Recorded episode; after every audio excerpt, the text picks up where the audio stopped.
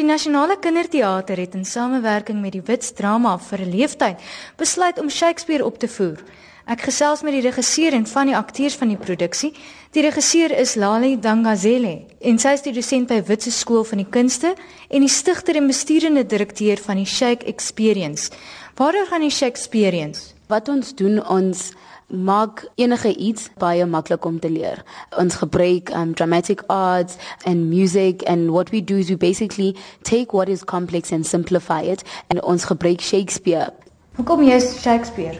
Ek beloof dat Shakespeare is wat Engelsmans noem 'n Trojan horse. Jy kan hom gebruik vir baie goeters. As jy in die skole is, dan gebruik jy om Engels te, te leer, maar in die koöperasie ons gebruik Shakespeare om diversity of leadership of enige iets wat mens affecteer. In the plays that he's written, there's a lot of lessons that one can draw from and we then take those and we contextualize them in everyday life.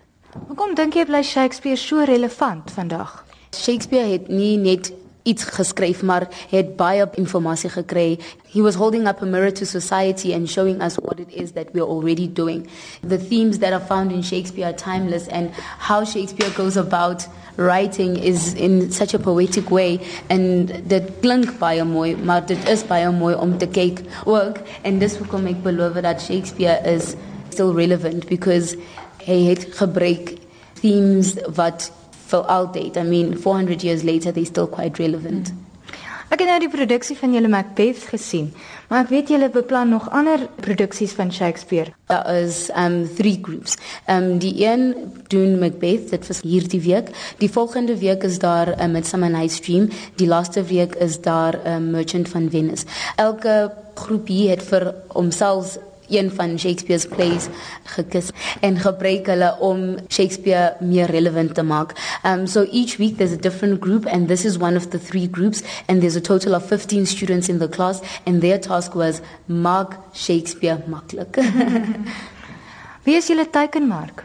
Our target market is mostly high school learners, but we believe that Shakespeare is also open to anybody. So ons het baie klein kinders wat sal dit kom kyk op die naweek, maar ons het ook grade 8 up until 12 coming in and watching Shakespeare. Hulle jou fokus is om die produksie opvoedkundig te maak.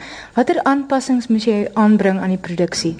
Daar's baie dinge wat die studente het gebring. Hulle gebruik um, modern as well as Elizabethan costumes so that the learners can relate with the lawyers in the modern context, but also understand the context in which the Shakespeare happened. But also, um, drama in education and theatre in education in particular uses various methodologies to try and include the audience into the performance. So, as you saw, audience members got to go on stage and interact with the characters. It's an opportunity for us to have an, a dialogue, and through the dialogue, learn together as an audience, as participants, as actors, as directors directors and students alike. Julle het doelbewus, soos jy sê, Macbeth in 'n kontemporêre konteks geplaas met die hofgeval en nog steeds die middeleeuse gevoel. Waar het julle die idee gekry? My name is Tenjue Mazibugo. Um, I played Lady Macbeth in the play and I also directed. We were looking for a frame in which to bring Macbeth to learners and not just present it as a proper play. We went through a lot of ideas with Lali and then eventually we settled on making it a court case. Watter rol kan teater speel in opvoedkundige produksies? My name is Mkolisi and I was playing Macbeth. I think well I would speak from my perspective that when I was in high school and did Macbeth I never paid any attention to it and I didn't understand it as well as I understand it now that I have played Macbeth in a theater. So I think it sort of brings the fun in Macbeth so that the learners actually pay attention to it. And let's say probably they are writing an exam, instead of trying to remember what the book said, they can try to remember what happened in the theater production they watched. So I think it, it assists in that way.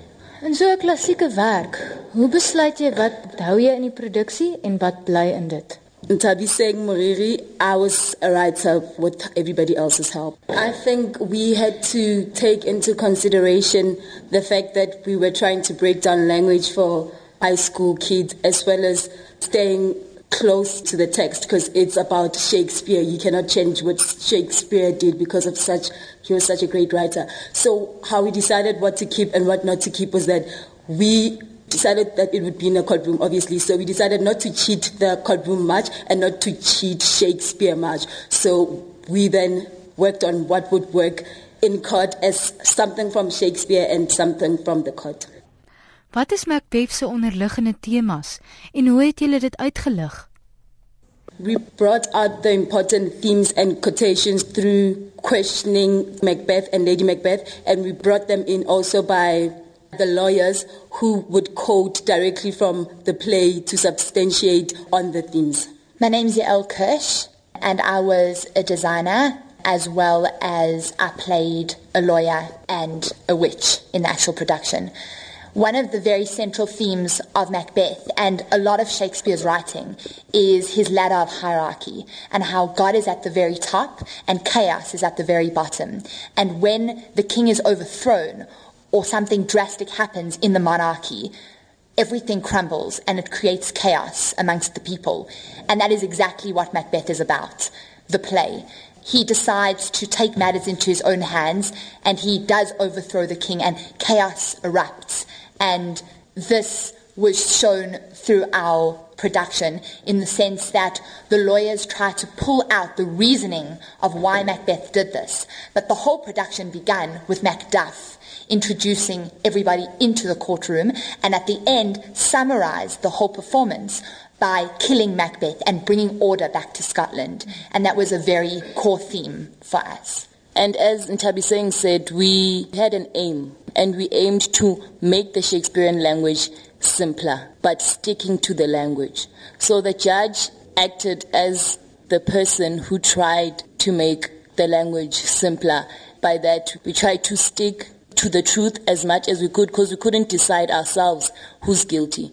So rather, let the audience go home and decide for themselves. As we did in the Q&A, they turned to be the defense counsel and the prosecution counsel, just for us to see how many people would relate with Macbeth and how many people would relate with Lady Macbeth. In addition to that is the courtroom also assisted students in understanding an argument. And in their final examinations, they are going to be asked to give an argument and to justify their argument with language.